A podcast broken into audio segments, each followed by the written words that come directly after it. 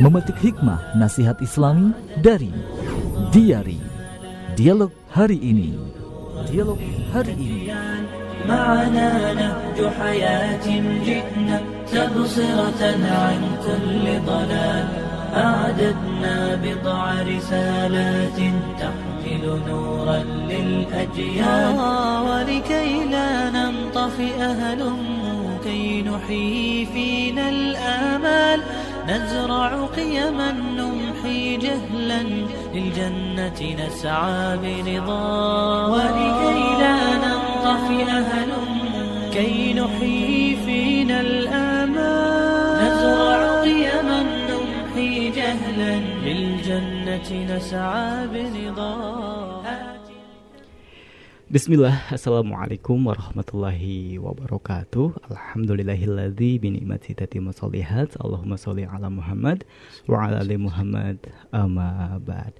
Mendengar yang berbahagia di mana pun berada Masya Allah kesempatan malam hari ini kita kembali berjumpa ya melalui jalinan udara Mudah-mudahan kabar Anda senantiasa dalam keadaan terbaik Walaupun cuaca di kesempatan malam hari ini sedikit gemericik ya diguyur hujan. Mudah-mudahan ya tidak menyurutkan semangat kita. Justru dengan itu kita semakin deras semangatnya. Amin ya ya Rabbal Alamin. Di malam yang berbahagia kali ini kita berada di program terbaru radio tercinta kita yaitu Diari Dialog Hari ini. Baik, edisi Ahad ya, tanggal 18 Oktober 2020 Masehi atau bertepatan dengan tanggal 1 Robiul Awal 1442 Hijriah. Dan dengan sebuah tema atau tema pembahasan kita, obrolan kita adalah Insya Allah ya memahami kajian Islamic World View. Baik dan sudah hadir e, narasumber kita ya yang luar biasa sebagai bintang tamu ada atau Radio Fajri hadirkan Dr. Rahindra Maya MPDI dari STAI Al Hidayah Bogor. Assalamualaikum warahmatullahi wabarakatuh Ustaz. Waalaikumsalam warahmatullahi wabarakatuh. Kabarnya sehat Ustaz? Alhamdulillah bi khairin. Keluarga sehat ya di rumah. Alhamdulillah. Tadi langsung dari rumah Ustaz ya? Alhamdulillah langsung. Walaupun sempat diguyur hujan jalan kita ya. Cukup deras. Cukup deras tapi insya Allah tidak menghalangi niat-niat kita ya. Antum sehat. Alhamdulillah, Ustaz. Pendengar juga insya Allah sehat semuanya. Amin amin ya. Insya Allah Ustaz kebersamaan kita kurang lebih hanya satu jam nanti hingga pukul 21.00 waktu Indonesia Barat. Dan bagi pendengar yang ingin ikut nimbrung bersama kami di kesempatan malam hari ini di gelaran diari dialog hari ini ya, silakan untuk menghubungi nomor WhatsApp maupun eh, SMS ya, silakan atau melalui layanan di media sosial berkomentar di kolom komentar karena sudah ada postingan terkait gelaran kita ya.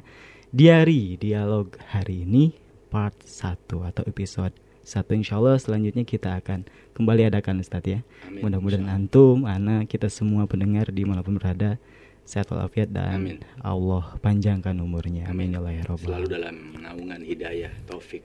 Insya Hmm, Allah. Amin ya Allah ya Rabbal alamin. Ustadz ini temanya eh, terlihat agak sedikit berat nih mungkin buat Mang Iki sendiri ya. Memahami kajian Islamic World View. Boleh Ustadz diberikan pengantarnya. Iya, baik bismillahirrahmanirrahim.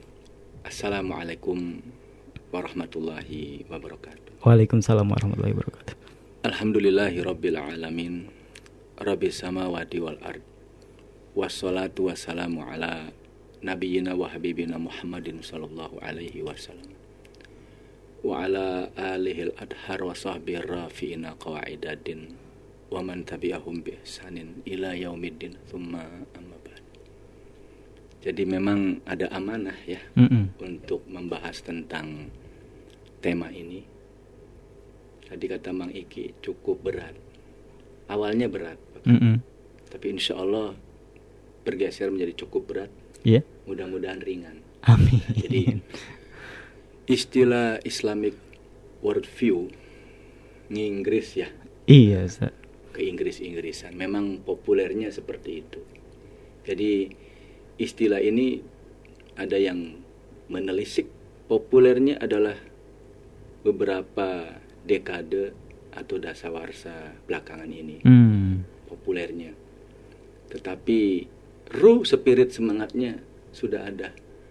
Kalau dikaitkan dengan Islamic worldview sejak sejak zaman Rasulullah Shallallahu Alaihi Wasallam sejak awal-awal turunnya wahyu Hmm. wahyu Allah kepada Nabi Muhammad Shallallahu Alaihi Wasallam. Mungkin beda bahasa aja Ustaz ya atau seperti apa? Nah, istilahnya beda ungkapan, Iya.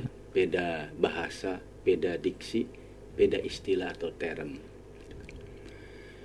Islamic worldview. Kalau diberikan arti simpel dan sederhana dalam kurung itu artinya adalah pandangan dunia Islam Hmm. atau pandangan Islam terhadap dunia. Terhadap dunia. Lebih tepat itu Hmm. pandangan Islam terhadap dunia. Iya. Di barat konon sudah muncul sejak zaman Yunani dengan istilah yang berbeda. Di Eropa tepatnya pada abad 18 atau 19 ketika ada yang bernama Immanuel Kant menulis buku dan di dalamnya banyak istilah worldview, worldview. Walaupun tanpa embel-embel depannya apa itu worldview-nya, worldview artinya pandangan tentang dunia. Tapi kemudian akhirnya difahami dan memang demikian adanya sebagai Western worldview, Hmm. pandangan Barat terhadap dunia atau pandangan dunia Barat. Iya. Tetapi istilah ini kita sering dengar insya Allah di pengajian, kajian biasanya kalau pengajian katanya di masjid, majelis taklim. Kalau kajian di ruang yang lebih tanda kutip serius, Mm-mm. seminar dan lain sebagainya, yaitu silahkanlah masalah.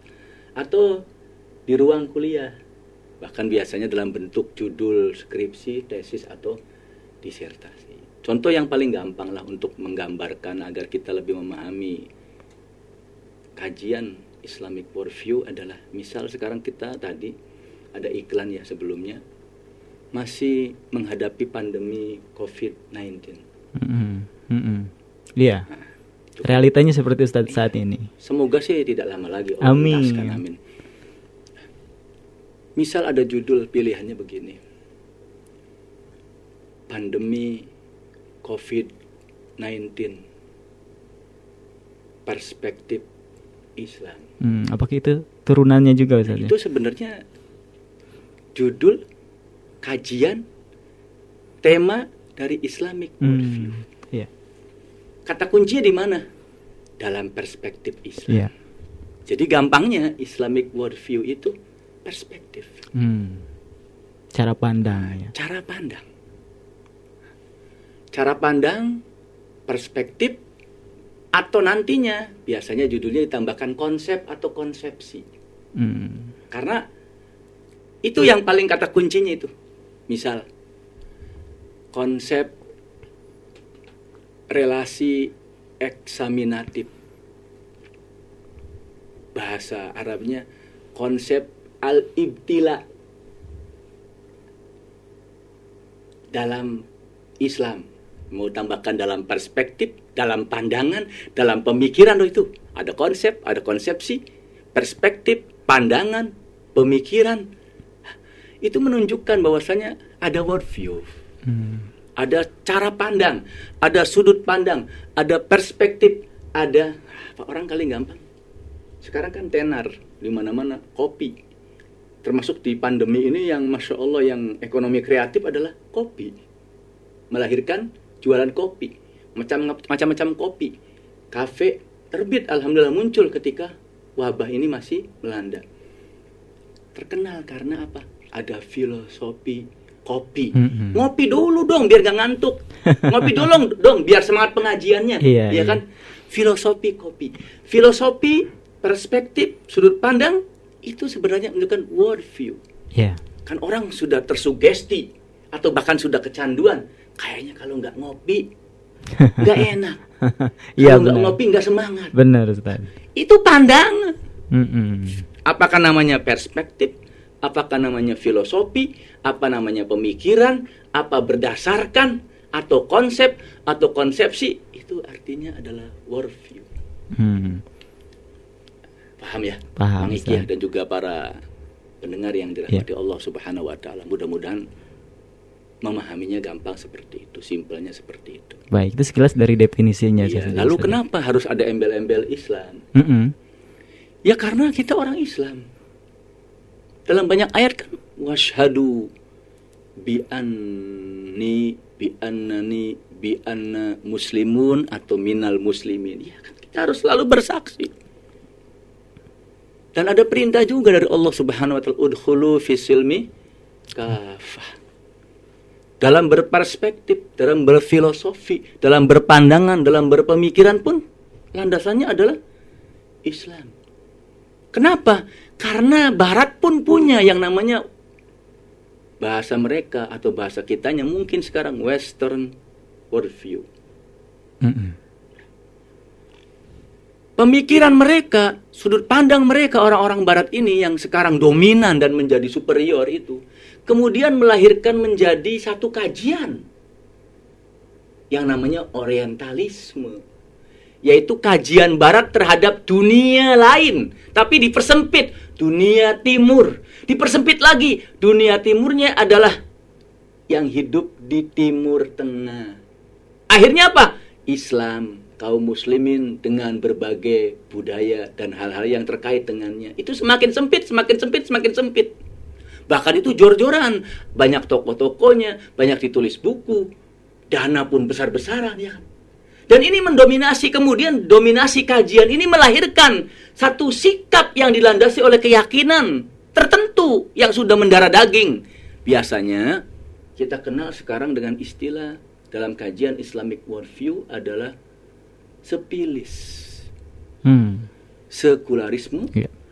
pluralisme, dan Eh, liberalisme. Liberalisme. Tiga itu. Sepilis.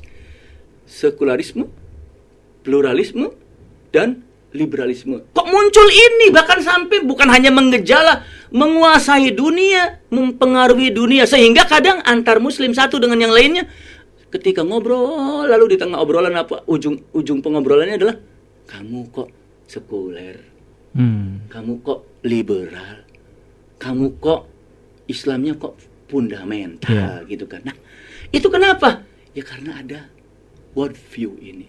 Jadi Hmm. face to face-nya, hadapan berhadapannya adalah western world view dengan Islamic world view sekarang. Walaupun sebenarnya kalau sekarang kita lihat perang dagang, perang politik antara Cina atau Tiongkok dengan Amerika berarti karena mereka punya world view masing-masing. Tetapi yang dalam kajian dan secara umum adalah biasanya western yang melahirkan tadi orientalisme lalu melahirkan dominasi sekularisme, pluralisme dan liberalisme.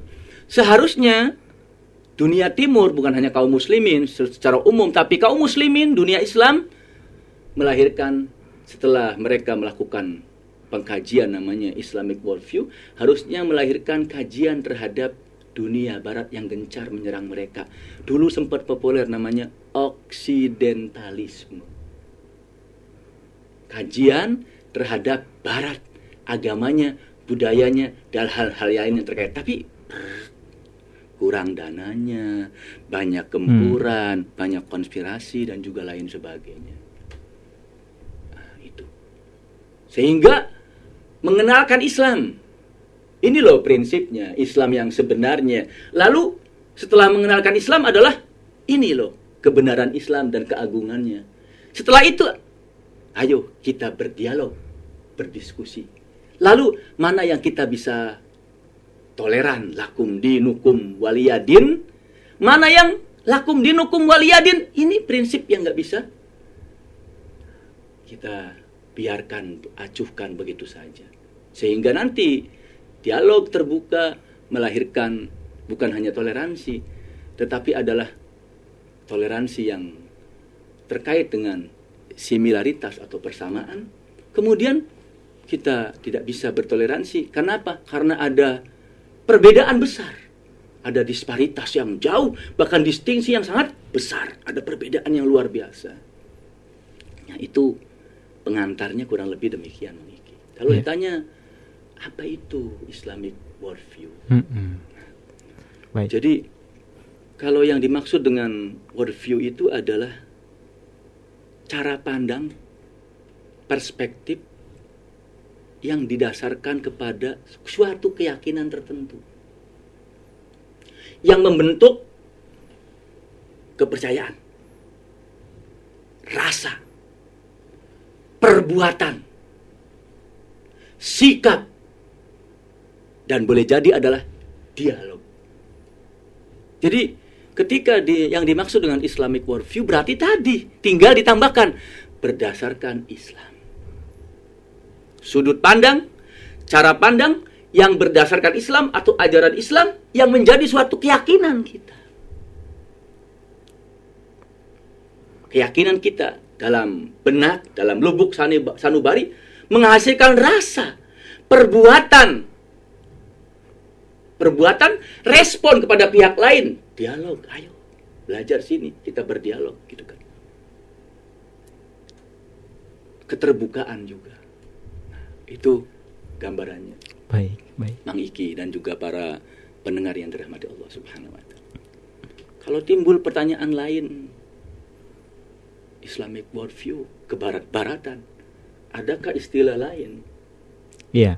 Khususnya dalam Islam biasanya kan berdasarkan bahasa Arab. Mm -mm. Ada, ada. Di antara yang paling populer dulu adalah at-tasawwur al-islami. At-tasawwur al-islami. Iya. Atau kalau terjemahkan dalam bahasa Inggris adalah Islamic perspective, Islamic version, Islamic vision. Iya. Atau sawur al-islami.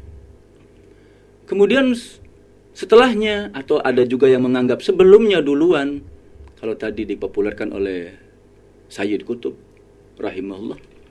Kemudian dari India, Pakistan muncul Syekh Abdul A'la Al-Maududi memperkenalkan istilah Al-Mabadi'ul Islamiyatu. Islamic principle. Prinsip-prinsip Islam. Itu sempat populer. Beliau wartawan, kemudian banyak belajar agama secara otodidak. Di zaman pergerakan tumbuh dan muncul giroh untuk belajar agama kemudian untuk membelanya gitu kan. Lalu beliau ingin berdialog, ingin Islam itu juga diketahui oleh pihak barat khususnya dan juga pihak-pihak lainnya yang belum tahu agar tidak terjadi Islamophobia gitu kan. Yeah. Maka beliau menjelaskan prinsip-prinsip Islam dengan nama Al-Mabadiul Islamiyah. Islamic Principle. Itu. Kemudian ketika istilah ini populer dengan istilah Islamic worldview akhir-akhir ini belakangan populer dengan arus dua terutama. Yang pertama dari Malaysia, asalnya ulamanya kelahiran Indonesia Empang Bogor yaitu Profesor Dr. Muhammad Naqib Al-Atas dengan istilah bahasa Arab Rukyatul Islami lil wujudi. Mhm. Rukyatul Islam. Rukyah pandangan, perspektif, cara pandang, sudut pandang dari Islam terhadap wujud. Wujud kalau dalam kajian di perguruan tinggi namanya being, namanya meter dalam kajian umum sesuatu atau gampangnya dunia lah. Karena sesuatu yang luas itu du, dunia atau Hmm. kadang semesta, alam seperti itu. Kemudian ada juga poros dari Syekh Muhammad Kutub rahimahullah semuanya Allah rahmati semoga. Dengan istilah yang hampir mirip tetapi beliau istilahkan bukan rukyatul islami mudhof-mudhof ilaih tapi rukyatun islamiyatun lil alami. Sama tuh. Sudut pandang, cara pandang Islam terhadap alam. Alam pakainya beliau pakainya alam. Hmm. Nah, khususnya dalam buku ini. Buku ini populer, sudah lama, bahkan diterjemahkan dalam banyak bahasa, termasuk bahasa Indonesia, lama banget dulu saya SMA.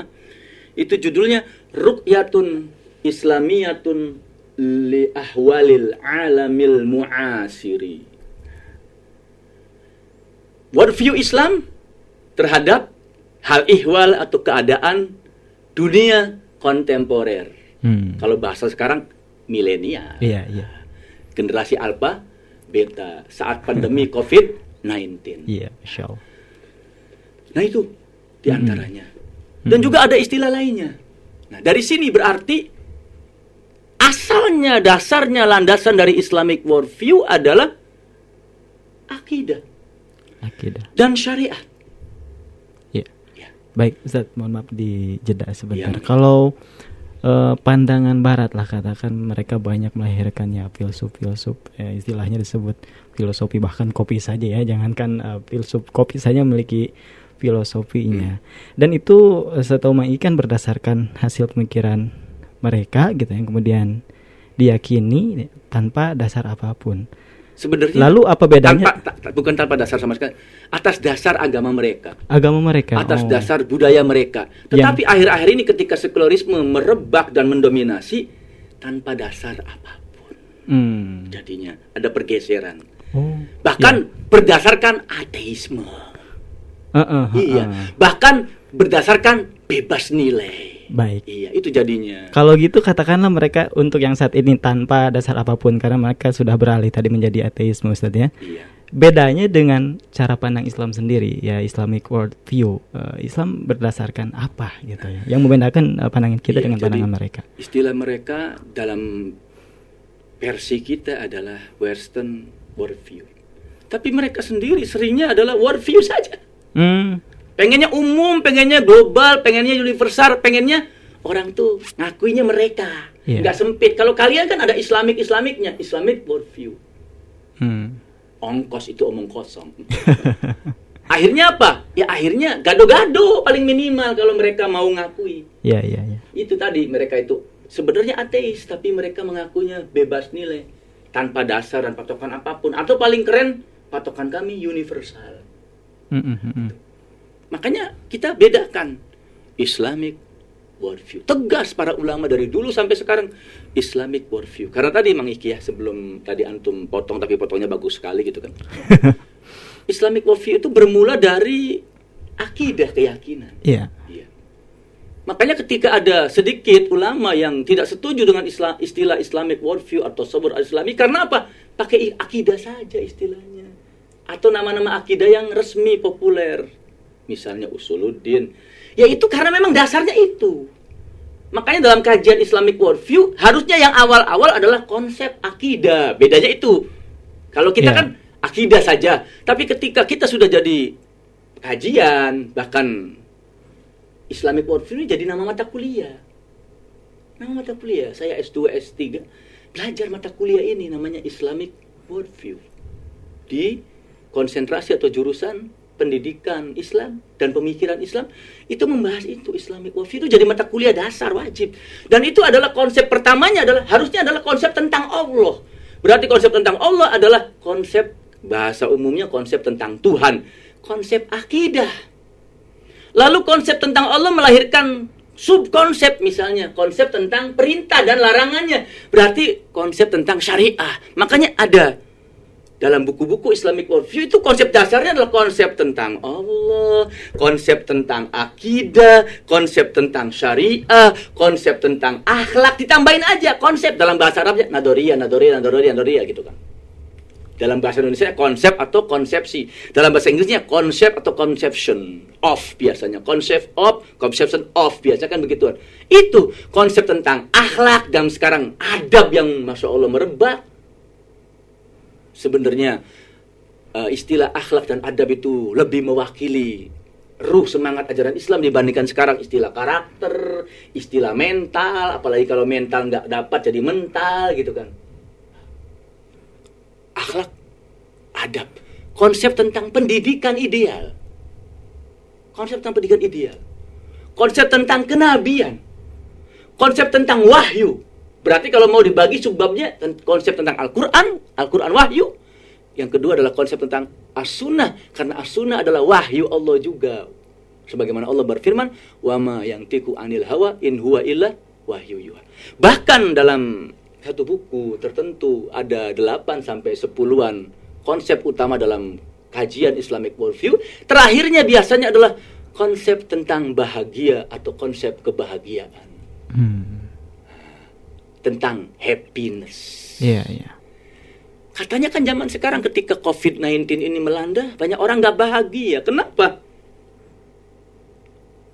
Penghasilan sulit, ekonomi makin terhimpit, belajar pun anak-anak jadi di rumah bikin orang tua khususnya ibu sulit gitu kan.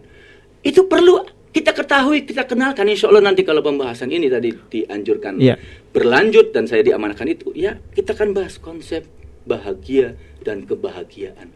Banyak ditulis oleh para ulama dulu itu, walaupun mereka tidak mengistilahkan sebagai Islamic worldview, tapi berdasarkan ajaran Islam.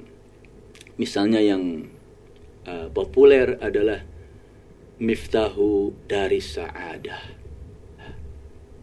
Miftahu dari Sa'adah. Kunci negeri bergelimang kebahagiaan. Tiga jilid tebal. Ada buku yang mungil tapi populer juga. Judulnya Kimia Usaadah. Hmm. Jamu ramuan kebahagiaan. Kalau yang pertama oleh Al Imam Ibnu Qayyim rahimahullah, kalau yang kedua oleh Imam Al, Imam Al Ghazali rahimahullah. Nah, Ada juga buku kontemporer As-Sa'adah Bainal Haqiqo wal Wahmi atau Bainal Wahmi wal Haqiqo oleh Profesor Dr. Nasir bin Umar Sulaiman Al-Umar. Itu tentang bahagia juga. Ada juga buku kecil As-Sa'adah Kaifa Nailuha Kebahagiaan Bagaimana kita menggampainya Nah bahasa sekarang dalam tanda kutip Kajian Islamic Worldview Ditambahkan konsep kebahagiaan atau bahagia Atau bahagia garis miring Kebahagiaan dalam perspektif Islam Dalam pemikiran Islam Hmm. Sebenarnya itu Jadi Islamic Worldview dasarnya dari Islam Sumbernya dari Islam Ya. dari akidahnya, dari syariatnya, dari akhlaknya. Kalau kita bagi tiga, misalnya ajaran Islam intinya seperti itu. Baik. Kemudian melahirkan apa? Melahirkan ini loh. Silakan Anda kaji, Anda pahami, khususnya orang luar, khususnya orang yang selama ini terkena oleh Islamofobia, Hmm. fobi kepada Islam. Iya. Lalu apa? Ayo dialog, Hmm. ayo dialog. Iya, baik Ustaz. Ustaz menyarankan dialog nih. Uh, mungkin ada uh, solusi lain selain dialog, uh, tapi karena memang realitanya, mohon maaf kita berbicara realita uh, untuk saat ini ya selain Islamofobia tadi gitu ya banyak orang Islam yang kalau disuruh uh, apa ya mengingat hafalannya tentang rukun iman, rukun Islam mereka hafal bahkan ibadahnya tahajudnya mungkin puasanya juga rajin, tapi ketika berbicara Ustadz sempat singgung tadi eh, ada apa ya sudah terkontaminasi oleh paham-paham lain yang dikatakan eh, salah satunya adalah dengan spilis ya paham barat kepada kita ya. Eh, sekuler plural dan liberal itu gimana Ustadz kita memahamkan mereka agar kembali kepada pemahaman yang benar. Mereka hafal bagus. ya Mereka faham ya lalu melaksanakan ajaran Islam bagus. Tapi harus ada plus. Plusnya apa? Jangan sampai khususnya yang difahami lalu diamalkan ini bukan dari sumber aslinya. Makanya dalam kajian Islamic Worldview itu ada pembahasan kalau dalam bahasa Arab judulnya Al-Islam Bainal Asolati Islam di antara kemurniannya wasaubihil jadid dan rupanya yang baru. Hati-hati kaleng-kaleng bahasa sekarangnya kan. Kita milih produk kan jangan kaleng-kaleng, jangan KW-KW. Milih Islam pun jangan yang kaleng-kaleng dan KW-KW, jangan abu-abu gitu kan. Iya, iya. Atau istilah lainnya. Bainal asolati wal jadid misalnya. Bainal asolati wat taksil misalnya atau wat tabdi'. Nah, itu ada kajian seperti itu. iya Makanya kajian Islamic worldview. Saya seneng kalau judulnya itu. Mm-mm. kajian atau pengkajian. Karena memang asalnya Islamic worldview itu keprihatinan.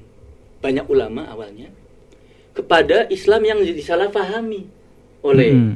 internal sendiri kaum muslimin dan dianti setelah salah anti lagi. Bahkan anti agresor lagi nyerang. Oleh Hmm. siapa? Oleh eksternal Hmm. non muslim Iya, khususnya iya. dunia barat Hmm. sampai tadi dan sampai hari ini ada namanya orientalisme Iya. Baik Ustaz, salah satunya mungkin yang sudah eh, sedikit mengakar ya di ya pemahaman eh, yang KTP-nya Islam gitu ya. Udahlah jangan bawa-bawa Islam ke politik ya Islam Islam aja. Islam itu ya eh, ranahnya pribadi gitu ya privat nggak usah bawa-bawa ke publik ibadah urusan antara kamu dan Tuhan saja. Gak usah eh, ajak-ajak ke ke yang lain gitu ya. Itu gimana Ustaz? ya orang ini nggak paham Islam nggak paham Islam Hmm. jadi kalau Islam itu simpelnya gampangnya ajarannya dibagi dua akidah dan syariat Ya. lalu syariatnya dibagi dua fikih ibadah dan fikih muamalat lalu ada ulama yang membagi tiga akidah fikih atau syariat dan akhlak atau adab nah ketika dalam kajian lebih lanjut itu sampai ada yang membagi 15 atau lebih termasuk apa politik Islam Hmm. Ya, ya. Berarti orang ini lanjut yang kedua, dia harus diobati dengan namanya kajian Islamic worldview itu. Artinya adalah sudut pandang Islam tentang alam kehidupan dunia ini banyak. Ya. Jadi kalau di kita dulu zaman Orde Baru ada istilah kehidupan kita dalam berbangsa dan bernegara ini mencakup ipolek sosbud hankam rata. Lalu saya perhatikan seiring dengan orde reformasi dan seterusnya ini hankam saja ratanya nggak usah. Artinya kehidupan kita mau kita orang Jawa, orang Sunda atau orang Indonesia secara umum mencakup ideologi, politik, ekonomi, sosial, budaya, pertahanan dan keamanan. Islam itu lebih luas lagi. Cuma apa? Tidak terendus oleh kita sendiri sebagai kaum muslimin. Hmm. Tidak terkaji. Lalu apa? Kajiannya pun nggak keluar. Itu pentingnya Islamic worldview itu. Hmm. Nanti ada kajian dalam Islamic worldview itu adalah konsep Islam tentang politik. Konsep politik menurut Islam. Berdasarkan Islam. Itu ada pembahasannya. Dan itu sangat penting sekali. Hmm. Sangat penting sekali. Baik, Ustaz, eh, tentu kan Islam berdasarkan Al-Quran dan Sunnah. Ya, so pasti. Ya, ada akidah dan lain sebagainya gitu ya. Eh, Al-Quran dan Sunnah banyak sekali eh, berbicara tentang ya siapa itu manusia, untuk apa manusia gitu ya, hidup dan mati dan Iya. tentang Allah. Sedangkan banyak sekali cabang ilmu yang lain, maaf bukan cabang ilmu, tapi ilmu-ilmu lain yang tidak membicarakan tentang itu, tapi Mangki sendiri berpikir apa gunanya ilmu kalau tidak membahas tentang yang tadi gitu ya, tentang apa itu manusia, Iya. hidup dan mati Iya. dan Allah sendiri. gitu. Menurut Iya. Ustaz gimana Ustaz?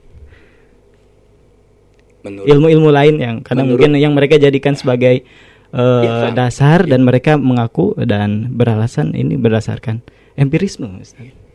Jadi dalam kajian Islamic worldview Mm. bukan menurut saya yang saya baca, Iya. gitu kan. Dan saya dapat di bangku kuliah itu ada yang namanya objektivitas kajian Islamic worldview. Menarik nih, walaupun simple tapi ini yang menurut saya sangat menarik dan dasar. Ketika Sayyid Qutb rahimahullah mengistilahkan Islamic worldview sebagai at-tasawur al-islamiyu, maka beliau katakan at-tasawur al-islamiyu huwa yang disebut dengan tasawur Islam, worldview Islam adalah al-fikratul ammatul lati ja'a bihal islamu anil wujudi kulli. Tiada lain adalah pemikiran general, pemikiran umum. Pemikiran umum, pemikiran yang universal. Jadi bergerak dari yang sama dulu yang bisa diterima dulu, tapi ada karakteristik yang berbeda yang sendiri. Yang berdasarkan ajaran Islam. Terkait dengan wujud eksistensi sesuatu. Seluruhnya. Tapi seluruhnya dulu-dulu dibatasi menjadi empat.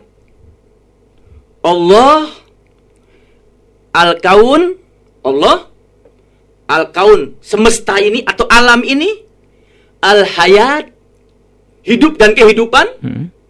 Al-Insan, manusia. Pembahasan ilmu tadi adalah biasanya dikaitkan dengan kaun. Hmm. Iya, iya. Kaun. Karena kaun itu adalah menghasilkan ilmu. Iya. Kemudian dikaitkan dengan manusia. Manusia harus menggali, mengeksplorasi alam. Iya. Menghasilkan apa? Ilmu. Iya, iya. Eh, ada dokter S1 tapi dia buka prakteknya dokter spesialis. Kan disebut salah. Mal praktek.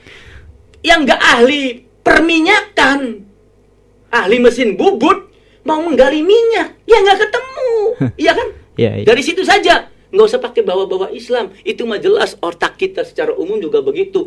Kan sering ada paham Islam itu bertentangan dengan sains, baik sains yang bersifat empirisme maupun yang lainnya. Tidak, ada pembahasannya.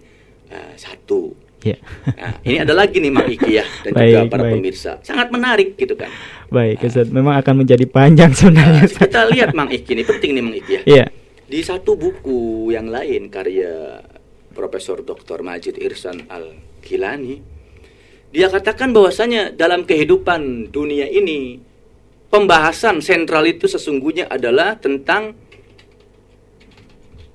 al-insan kata beliau Hmm. kemanusiaan kita. Kedua Al-Khaliq, Sang Pencipta, Allah Tuhan kita. Al-Kaun, alam semesta. Kemudian Al-Hayat, kehidupan dan hidup ini. Kita harus merenung. Eling kata orang Jawa dulu, eling kehidupan. Iya. Ilmu tentang kehidupan. Ilmu tentang Allah, tentang manusia tahu, tapi ilmu tentang hidup dicubit itu sakit. Kan bahasa sederhananya begitu. Mm-mm. Itu hidup, jangan Iya. nyubit orang. Iya, iya. Nah, kita cubit orang sakit, jangan nyubit orang gitu kan. Kemudian sudah berapa tuh? Insan satu, Khalik dua, Al Kaun tiga, Al Hayat empat, Wal Akhirah. Dan bedanya dengan worldview Barat Mm-mm. nggak bahas ini, Yang akhirat. akhirat ini. Iya. Nah Islam membahas kita itu ada hidup setelah kematian atau hidup setelah hidup kita di du di dunia. Kematian akan melahirkan kehidupan kembali akhirat. Nah, masya Allah menariknya di buku ini adalah paling minimal melahirkan lima konsep. Yang pertama kata beliau, Dr. Majid, Profesor Dr. Majid Islam Al-Kilani ini, al-alaqatu bainal khaliqi wal insan ay alaqatu ubudiyatin melahirkan konsep atau relasi antara sang pencipta Allah Subhanahu wa taala dengan manusia namanya konsep ibadah. Di mana itu? Kajian akidah, konsep ibadah. Iya. Yang kedua adalah al alaqatu bainal insani wal kauni ay alaqatu taskhirin yaitu relasi atau konsep tentang adanya relasi antara manusia dengan alam semesta. Apa itu? Manusia harus mengeksplor konsep eksplorasi, relasi eksplorasi. Jadi manusia harus mengeksplor. Nah, di pembahasan di buku ini itu melahirkan ilmu-ilmu yang banyak. Ilmu alam Iya. ilmu alamnya nanti bercabang lagi menjadi ilmu matematika, fisika, kimia, biologi sampai ilmu yang paling detail. Psikologi aja berkembang menjadi puluhan. Mm-mm. Wa fi anfusikum afala tubsirun. Dan terhadap dirimu tidakkah kamu memperhatikan? Diri di internal kita namanya psikis, melahirkan psikologi. Psikologinya banyak macamnya. Ada psikologi perkembangan, ada psikologi pertumbuhan, ada psikologi psikoterapis dan lain sebagainya. Itu banyak cabangnya gitu kan. Kemudian yang ketiga adalah menghasilkan alaqatul insani bil insani. Relasi atau konsep manusia berhubungan berinteraksi dengan manusia yang lainnya. Melahirkan dua konsep paling minimal di buku ini. Alaqatu adlin wa ihsanin. Konsep tentang keadilan dan baik. Kita kepada orang lain itu harus adil fair dan harus baik. Setelah fair baik. Mm. jangan mentang-mentang sok dekat sok akrab penilaiannya beda. Nggak fair. Islam masih hidup. Yang ke empat alaqatul insani bil hayati ay alaqatu ibtilain. Konsep atau relasi antara manusia dengan kehidupan, yaitu adanya adanya bencana. Jadi, ya Allah, kenapa sih ada bencana? Ya Allah, kenapa saya dapat bencana? Ya masih hidup di dunia pasti dapat bencana. Karena ini sunatullah adalah adanya konsep akan diuji. Ya. Diibtila. Salah satu bentuk ujian adalah adalah bencana. Bencana dan yang terakhir adalah alaqatul insani bil akhirati. Konsep bahwasanya manusia ada kaitan dengan kehidupan akhirat yaitu melahirkan alaqatu mas'uliyatin wa jazain. Konsep atau relasi tentang tanggung jawab loh. Kita ini harus tanggung jawab, akan dimintai pertanggungjawaban. Dan ketika tanggung jawab kita kalau baik diterima, dapat pa pahala. Kalau jelek dapat siksa, dapat hukuman. Itu tanggung jawab, konsep tentang tanggung jawab di dunia menuju akhirat dan konsep adanya balasan di akhirat. Subhanallah. Jadi bedanya di sini. Mm-mm. Luar biasa ini. Jadi Masya Allah, menarik ini. Jadi walaupun awalnya berat, Ya. mudah-mudahan agak ringan, mudah-mudahan ringan dan Ringan. simpel. Gitu. Amin. Begitu Baik. Mang Iki dan juga Baik. para pemirsa yang dirahmati Allah Subhanahu wa taala. Luar biasa Ustaz Para pendengar dan juga pemirsa. ya. Mm-mm. Jadi tadi ayat Allah itu ya ada yang kaun Ustaz katakannya. Ada yang Ada kemudian ada yang tersurat lah ya. Qur'ania, ada yang kaunia. Iya. Yang kaunia itu menimbulkan ilmu-ilmu yang bahkan banyak dimotivasi. Iya. Walaupun ada ilmu yang diharamkan Iya. seperti ilmu sihir lah Iya. paling gampang. Iya. gitu kan. Yang dari itu menimbulkan atau melahirkan cabang-cabang yang lainnya Ustaz Iya. ya. Ada yang tersiratnya kawan tadi kemudian ada yang tersurat yang masya Allah sekali ya.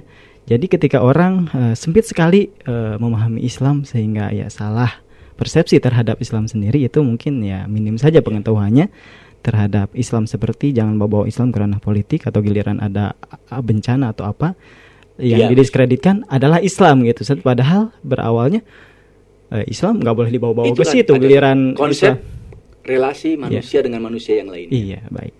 Padahal katanya ya di Indonesia ini mayoritas Islam kok bisa kayak gini? Padahal tadi dia tidak mengikut sertakan Islam itu dalam Iya. segala Islam aspeknya. tidak hadir dalam kehidupan kita. Baik. Islam disimpan di rak. Mm-mm. Islam hanya disimpan di buku. Ya, Islam hanya disimpan dalam hati. Bagus, tapi harus dalam hati melahirkan aksi, Iya. ya kan? Mm-mm. Harusnya begitu. Baik. Pendengar sebenarnya Ustadz di kesempatan hari ini ada door prize nih cuma Maiki lupa saja tadi di sesi awal ya bagi anda yang bertanya di Door kesempatan prize, ada door prize segala ya. ada door prize segala Nah, nih berarti belajarnya lebih mudah lagi insya Allah. Ada giveaway. ada giveaway-nya. Baik. Pendengar eh, jadi sebagai apa ya eh, dukungan kami terhadap Anda gitu yang ikut serta, ikut nimbrung ya. eh, kami berikan fasilitas sebagai berikut. Yang pertama acara gratis, yang kemudian sertifikat elektronik elektronik atau eh, sertifikat kemudian door prize berhadiah ya, yang Insya Allah Anda mungkin mudah-mudahan mendapatkannya gitu ya. Terbuka peluang untuk bertanya langsung seputar permasalahan yang sudah atau mungkin sedang akan dibahas ya mulai dari sekarang silakan mungkin beberapa menit lagi ya. Ketik eh, diari kemudian nama anda domisili dan pertanyaannya. Kirimkan ke nomor WhatsApp ya.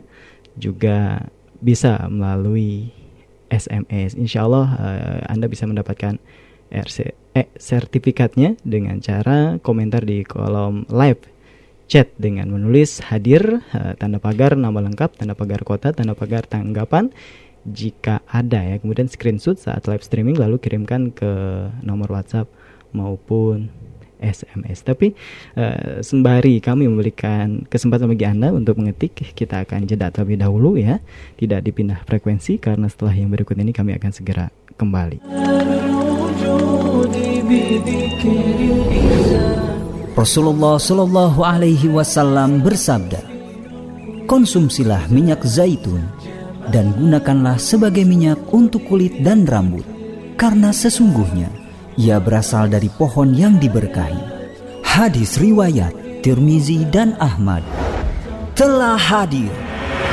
Mizar, minyak zaitun rukiah, terbuat dari minyak zaitun pilihan kualitas terbaik, extra virgin oil, serta telah dirukiah oleh praktisi rukiah syariah dengan izin Allah. Mizar bisa membantu mengobati penyakit medis dan non-medis. Alhamdulillah, banyak orang yang telah mengkonsumsi mizar dan telah merasakan khasiatnya. Ayo, Dapatkan Mizar di toko-toko terdekat kota Anda. Atau Anda juga bisa menghubungi kami di telepon atau WA 0812 1970 5220 0812 1970 5220 atau kunjungi website kami di www.minyakzaitunrukiah.com. Tunggu apa lagi? Segera dapatkan Mizar dan sekarang giliran Anda merasakan khasiatnya. Mizar, solusi sehat Islami.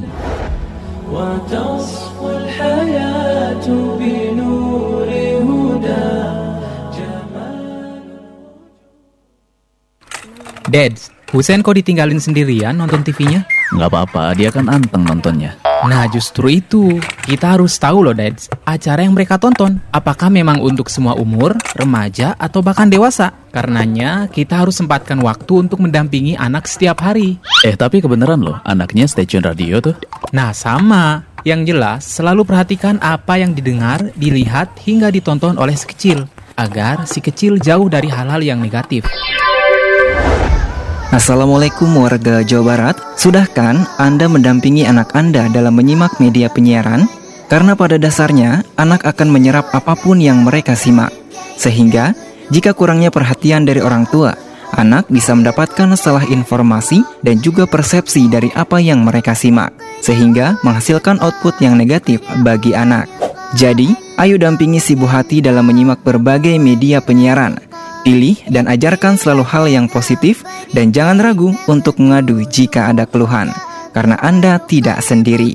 Bersama Ibu Dedeh Fardia selaku Ketua KPID Jawa Barat beserta jajaran Komisioner KPID Jawa Barat siap menjaga kualitas penyiaran yang baik untuk warga Jawa Barat. Mari kita ciptakan media cerdas, cerdas bermedia. Juga jika ada keluhan, langsung sampaikan saja ke line pengaduan penyiaran KPID Jawa Barat, SMS atau WhatsApp di 0815 7310 7000. Iklan layanan ini disampaikan oleh Komisi Penyiaran Indonesia Daerah Jawa Barat. معنا نهج حياة جئنا تبصرة عن كل ضلال أعددنا بضع رسالات تحمل نورا للأجيال.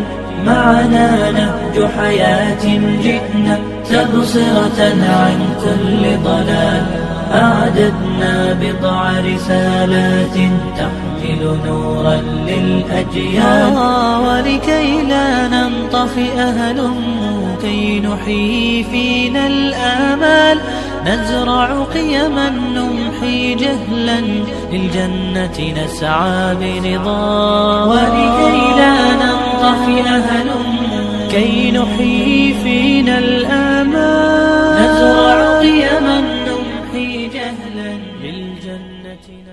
Baik pendengar yang berbahagia di mana pun berada masih di gelaran diari ya dialog hari ini tadi di sesi pertama kita sudah banyak sekali ya eh, berbicara tentang Islamic World View ya dari narasumber kita ya ada Dr. Rahindra Maya MPDI Insya Allah ini adalah bukan pertemuan pertama dan terakhir kita. Mudah-mudahan nanti Allah panjangkan umur kita semua sehingga kita bisa kembali bersua. Walaupun hanya melalui jalinan udara streaming ya. Baik Ustadz, Masya Allah ya. Di kesempatan malam hari ini eh, Banyak juga yang sudah bergabung Ingin mendapatkan RC, eh, sertifikat. Insya Allah Anda akan mendapatkannya.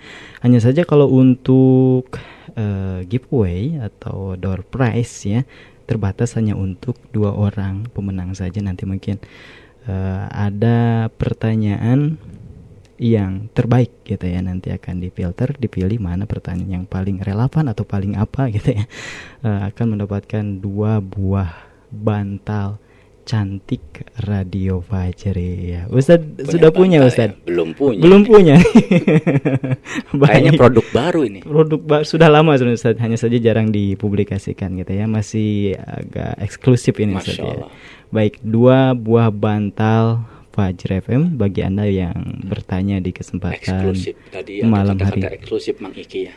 Iya. Jadi ingat itu pembahasan kajian Islam di antara eksklusivisme dan inklusivisme. Hmm. Itu kajian Islamic worldview itu. Iya, iya. Iya. Tapi kayaknya kalau untuk malam hari ini terlalu panjang. Nanti jangan. Iya, baik. Tadi ada menarik. sedikit pengantar saja saja. Iya, di iklan tadi ada pengobatan Islami Hmm. minyak zaitun ya. Iya. Kalau ditambahkan studi tentang pengobatan Islami atau konsep pengobatan Islami itu Mm, mm, mm. bisa dimasukkan dalam kajian Islamic worldview.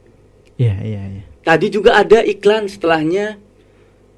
Bagaimanapun anak Anda, apa yang dia lihat, dia dengar, ya kan? Iya, iya. Harus Anda dampingi. Berarti konsep hiburan atau Iya. pendampingan orang tua terhadap tontonan anak misalnya. Hmm. Itu bisa dibahas kan berarti kan Iya. Perspektif umum beda, barat beda, kita orang Iya. Islam ada sendiri pembahasannya banyak Iya. itu. iya.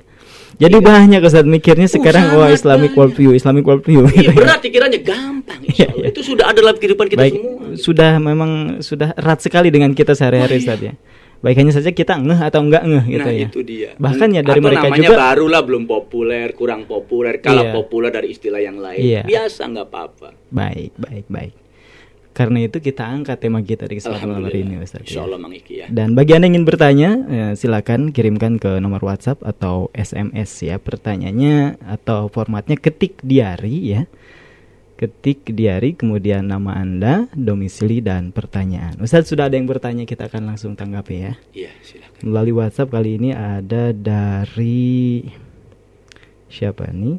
Dari eh, kita akan sebutkan saja atau bacakan saja pesannya ini dari 08387167 ya. Eh, Ustadz, sebenarnya apa yang membuat para musuh Islam gencar melan- eh, melancarkan senjata pemiskinan sebagai salah satu memerangi din Allah? Syukran. Pertanyaan yang kedua, ini ada dulu, dua pertanyaan satu. Satu Satu dulu Mang. Boleh Ustadz. Ya memang katanya kan kita tahu Ustadz bahwa dalam Islam ada keterangan eh, ke apa kefakiran itu lebih dekat dengan kekafiran Ustaz gimana ya? Ya, ini itu musuh asal, musuh Allah. Hadisnya, hadisnya tidak benar dari Rasulullah Sallallahu Hmm. Alaihi Wasallam. Ya. Kadal fakru an yakuna kufran. Hmm. Tetapi maknanya bahwasanya di antara upaya yang lebih mendekatkan kepada kekufuran adalah pemiskinan atau kefakiran. Hmm. Benar maknanya. Iya, iya, Tapi iya. teksnya tidak dari Rasulullah. Ya benar, tidak benar dari Rasulullah berarti teksnya tidak dari Oh. Rasulullah Shallallahu Alaihi Wasallam. Tapi ya hati-hati. Kenapa? Karena ini juga harus kita pahami nih, Mang Iki ya, Ya. juga para pendengar atau pemirsa yang dirahmati Allah Subhanahu Wa Taala. Orang itu, taruhlah misalnya dalam istilah Sunda, Mang Iki, Hmm. hardolin, dahar, modal, jeng ulin. Iya. Orang itu biasanya yang tergambar dalam benaknya yang ada depannya adalah dahar. Hmm. Makan apa kita besok? Iya, iya, iya. Modal. Setelah makan kan pasti mereka menikmati buang hajatnya, Mm-mm. buang air besar dan air kecil kan. Oh enggak Ustaz, ya pasti akan buang. Kalau enggak buang jadi penyakit. Lalu apa? Ulin, main. Dikiranya nggak akan dimintai pertanggungjawaban. Iya. Atau mungkin bahasa terkininya atau bahasa rada kerennya Ustaz eh, hedonism ya. Atau gimana? Hedonisme artinya adalah konsumtif yang berlebihan. Oh. Nah, Tapi kalau sekedar itu? lebih parah lagi Hardolin. kalau head, apa hardolin masih mending tapi gampangnya kan begitu Mm-mm. hedonisme artinya kita terjerembab dalam gemerlap kehidupan dunia Hmm, jadi lebay Ustaz ya. konsumtif barulah hedonis gitu kan Hmm, tahapannya gitu Ustaz. tahapannya hardolin Mm-mm. konsumtif lalu hedonis Hedonism, Nah, ya. itu hedonisme itu gemerlap dunia pengennya dimiliki oleh dirinya menikmatinya orang lain kalau bisa nggak usah lah Ya, ya. gitu kan bahkan pamer Nah, apa bahasa sekarang orang kaya orang kaya gitu kan jadi Mm-mm. itu pun membuat kita lupa kepada keluarga kadang kepada teman kepada sesama Ya. kaum muslimin sesama umat manusia gitu kan kepada agama jauh iya betul sekali iya kan dan dalam prakteknya berapa banyak pemurtadan itu melalui Iya, pemiskinan. pemiskinan. lalu bantu dengan uluran tangan ada modus operandi tertentu Iya. modus modusnya jadi operasi dan strategi modus operandi namanya Hmm. gitu kan Itu yang dilakukan para misionaris tadi. Bah, banyak misionaris Oh. zending Iya, iya. Yahudis Salah satunya eh, saja. konspirator Mm-mm. global yang di ruang gelap sekarang beradanya gitu kan wallahu a'lam gitu kan Baik. begitu Mang Iki dan Baik. juga para pendengar dan pemirsa yang dirahmati Allah Subhanahu wa taala Baik. Selanjutnya ada pertanyaan dari Alfi Asmaripai kali ini di Depok Sawangan. Ustaz, pertanyaannya menurut Ustadz apa problematika dan tantangan besar yang diha- dihadapi oleh umat Islam dan khususnya para pemuda yang merupakan eh, strategis yang dominan dan bisakah kemurnian idealisme, idealisme Ashabul Kahfi dan semangat pengabdian Nabi Ibrahim alaihissalam itu terrealisasi kepada generasi Islam sekarang karena mengingat begitu gencarnya para musuh Allah menjauhkan para pemuda Islam dari ajarannya. Wah ini panjang sekali kalimatnya banyak Ustaz. pertanyaan itu bisa menjadi tema Islamic worldview tentang Nabi Ibrahim semangatnya Ashabul Kahfi Mm-mm. bisakah harus bisa Hmm, karena itu adalah teladan iya. Al-Quran menyingkapnya, Rasulullah Shallallahu Alaihi Wasallam menyingkapnya, para ulama menyingkap dan mengungkapnya, ya kan? Ya, bukan hanya dua tadi Nabi Ibrahim alaihissalam dan juga Ashabul Kahfi, yang lainnya banyak yang jadi teladan. Kemudian konsep tentang pemuda dan pendidikan pemuda itu penting harus dikaji dalam studi yang namanya sekarang Islamic Worldview. Mm-mm. Apa yang dihadapi? Ah, ini menarik nih. Dalam satu buku bahasa Arab, belum saya lihat terjemahannya, karya Profesor Dr. eh, Abdul Karim Bakar. Kaum muslimin ini memiliki tantangan tiga, Mang Iki. Tantangan berskala kecil. Apa itu? Sempitnya lapangan kerja misalnya Mm-mm. kurangnya sarana pendidikan dan yang lainnya. Bolehlah seperti itu misalnya. Iya. Yang kedua adalah tantangan menengah. Tantangan menengah. Tantangan menengah itu apa? Yang tadi tantangan itu ternyata menggejala, masif. Seperti sekarang mungkin pengangguran bukan hanya satu dua orang, tapi jutaan Mm-mm.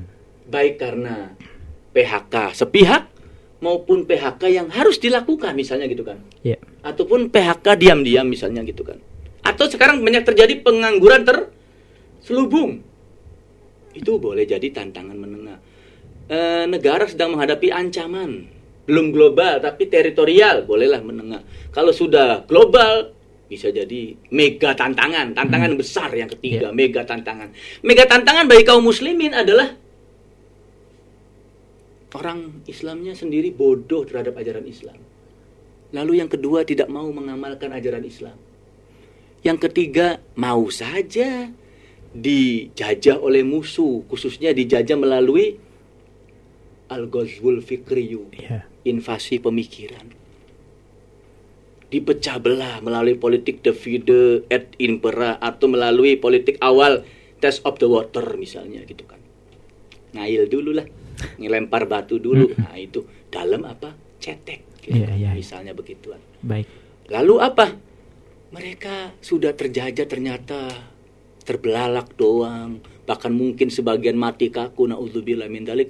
Ternyata sudah tercekik secara ipolexosbud hamkam tadi. Nah, boleh.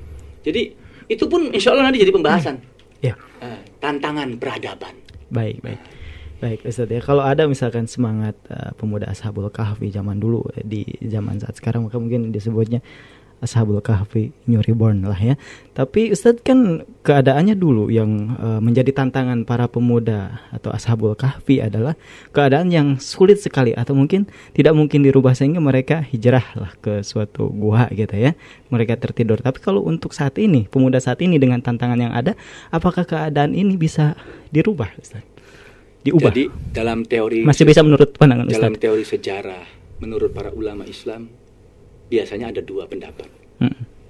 Satu flat garis lurus. Iya. Garis lurus itu akan berubah, akan mengalami perkembangan.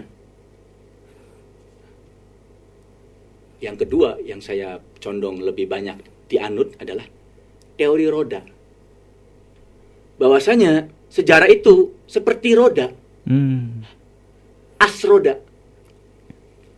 Ibnu Khaldun rahimahullah misalnya membagi menjadi tiga tahapan. Ada yang namanya fase dan generasi pembuka rumput, Iya. memulai perjuangan. Ada generasi yang penikmat Mm-mm. perjuangan. Fase menikmati perjuangan. Dan yang ketiga adalah fase kehancuran. Hmm. Itu.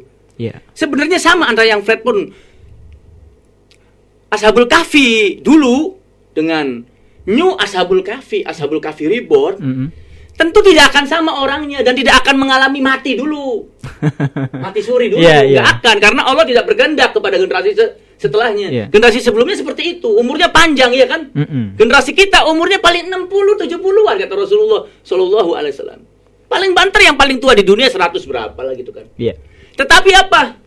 Semangatnya, spiritnya Hmm. ada, tapi beda variasi. Iya. Orangnya ada, beda varian orang. Hasilnya boleh jadi mirip, tapi mirip tidak sama persis. Iya. Yang dihadapi bukan raja pada masa sana. Mungkin tiran yang lain. Tiran pilihan yang lain lah bahasa sekarangnya Mhm. gitu kan. Itu kurang lebihnya. Wallahu alam. Baik, itu kan untuk semangatnya Ustaz. Tapi kalau untuk keadaannya apakah harus ada eh, rasa optimis untuk mengubah keadaan? Optimis harus ada. Hmm.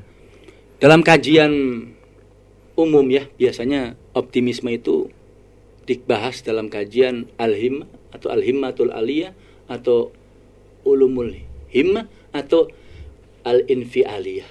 Itu optimisme. Dan sekarang dalam teori motivasi manajemen atau manajemen motivasi itu dibahas. Semua orang harus optimis.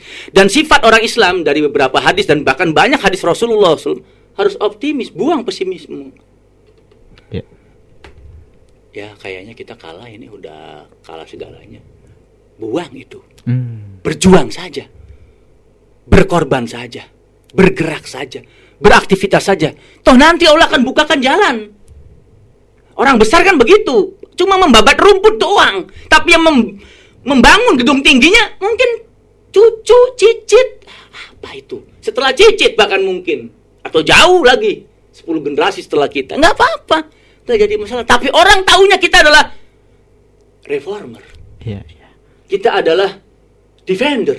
Hmm. Kita adalah pejuang. Iya. Itu. Iya. Dan pasti Allah akan membalas. Baik. Sekecil apa pun aktivitas kita. Apalagi kita punya ungkapan. Usaha tidak akan mengkhianati Hasil. hasil. Dan yang penting Ustaz estafeta perjuangan ini nggak boleh putus ya Itu karena yang memang harus- sejarahnya seperti itu ya. Itu filosofi dari lari estafet. Hmm. Ada empat atau berapapun gitu kan. Boleh jadi kalah dulu pelari yang pertama. Iya. Pelari yang kedua kayak flash. Iya, iya, iya. gitu kan. Pelari yang ketiga lebih flash lagi misalnya. Hmm. Pelari yang keempat lambat tapi kan menang ujungnya misalnya. Gitu kan. Baik. Ah, itu. Baik, baik. Demikian ya pendengar di mana pun Wallahu berada. a'lam. Masya Allah Ustaz, banyak sekali sebenarnya yang ingin ikut serta bergabung di kesempatan malam hari ini Tapi ya, apalah daya waktu yang membatasi kita Insya Allah next time atau selanjutnya kita akan kembali berjumpa dengan pembahasan Mungkin melanjutkan pembahasan yang ini hmm, Di diary part selanjutnya ya eh, Dialog hari ini Dan Iya. untuk hari ini kita cukupkan sampai di sini Kami haturkan terima kasih kepada Anda yang sudah bergabung Mengirimkan pesan, ini ada juga pertanyaan terkait politik dan sebagainya Baik kami pilih-pilih saja yang paling relevan Yang paling Dan yang dimohon, mengena dengan dimohon sesuai dengan tema. Iya, baik. Tapi masya Allah, terima kasih semangatnya sudah ikut serta ya di kesempatan malam yang berbahagia kali ini. Ustadz, sebelum kita tutup, adakah mungkin sesuatu yang ingin disampaikan sebagai closing statement, mangga? Iya. Baik Mengiki ya dan juga para pendengar dan pemirsa yang dirahmati Allah Subhanahu wa taala. Judul kita di kesempatan di hari kali ini adalah memahami kajian Islamic worldview. Jadi Islamic worldview ini sudah jadi mata kuliah Iya. di S1, S2, S3. Khususnya di arus pendidikan tertentu itu di S2 dan di S3. Lalu turun alhamdulillah menjadi kajian di banyak tulisan, banyak buku, banyak seminar dan yang semisalnya. Bahkan beberapa tahun belakangan jadi kajian di masjid-masjid. Hmm. Jadi kajian menjadi pengajian. Alhamdulillah. Tinggal nanti ya temanya disesuaikan. Banyak tema yang bisa dibahas, tidak terbatas pada empat, di lima, delapan atau berapa. Iya. Karena semakin berkembang, intinya adalah berpatok kepada dan dari kebenaran, kemudian menjadi tema bahasan, kajian dan pengajian, menjadi sikap untuk berdialog terbuka, lalu sikap akhirnya ya tetap Ya. dialog dan terbukanya tetap dalam rambu-rambu Islam sehingga menghasilkan ada persamaan, ada perbedaan. Iya. Nah, itu. Tapi diharapkan kita bisa bersifat terbuka, dialogis dan salah satu kajian utama adalah bagaimana toleran yang benar berdasarkan ajaran Islam tentunya Iya. seperti itu. Baik. Jangan toleran artinya larut gitu kan. Masa ada air, aliran air di dalamnya buaya kita ikut aliran air menuju buaya Mm. ya cilaka ciloko kalau begitu makan seperti Baik, itu baik. kurang lebihnya mungkin ya wallahu a'lam Iya. Ustaz, terima kasih atas atensinya ya sama-sama Ustaz. pertanyaannya Jazakallah cukup banyak ya Masya Allah. Jazakallah khair Ustaz ya. Eh, Dan mendengar kita alhamdulillah jadi paham ya apa itu Islamic worldview yang ternyata memang erat kaitannya dengan keseharian kita. Hanya saja kita ngeh atau tidak gitu ya. Dan mudah-mudahan eh, kita kalau ketika sudah paham, sudah eh, tahu kita bisa ya menindaklanjutinya secara Islami ya. Baik mendengar di mana pun berada sampai di sini akhir kata saya Maiki pamit undur diri ya juga mewakili Akhi Mas Udi di meja operator. Mohon maaf atas segala kekeliruan. Jangan lewatkan acara-acara menarik lainnya di Radio Fajri di radio kita tercinta. Subhanakallahumma wa bihamdika asyhadu an la ilaha illa anta astaghfiruka wa atubu ilaik. Wassalamualaikum warahmatullahi wabarakatuh. نهج حياة جئنا تبصرة عن كل ضلال أعددنا بضع رسالات تحمل نورا للأجيال معنا نهج حياة جئنا تبصرة عن كل ضلال أعددنا بضع رسالات تحمل نورا للأجيال.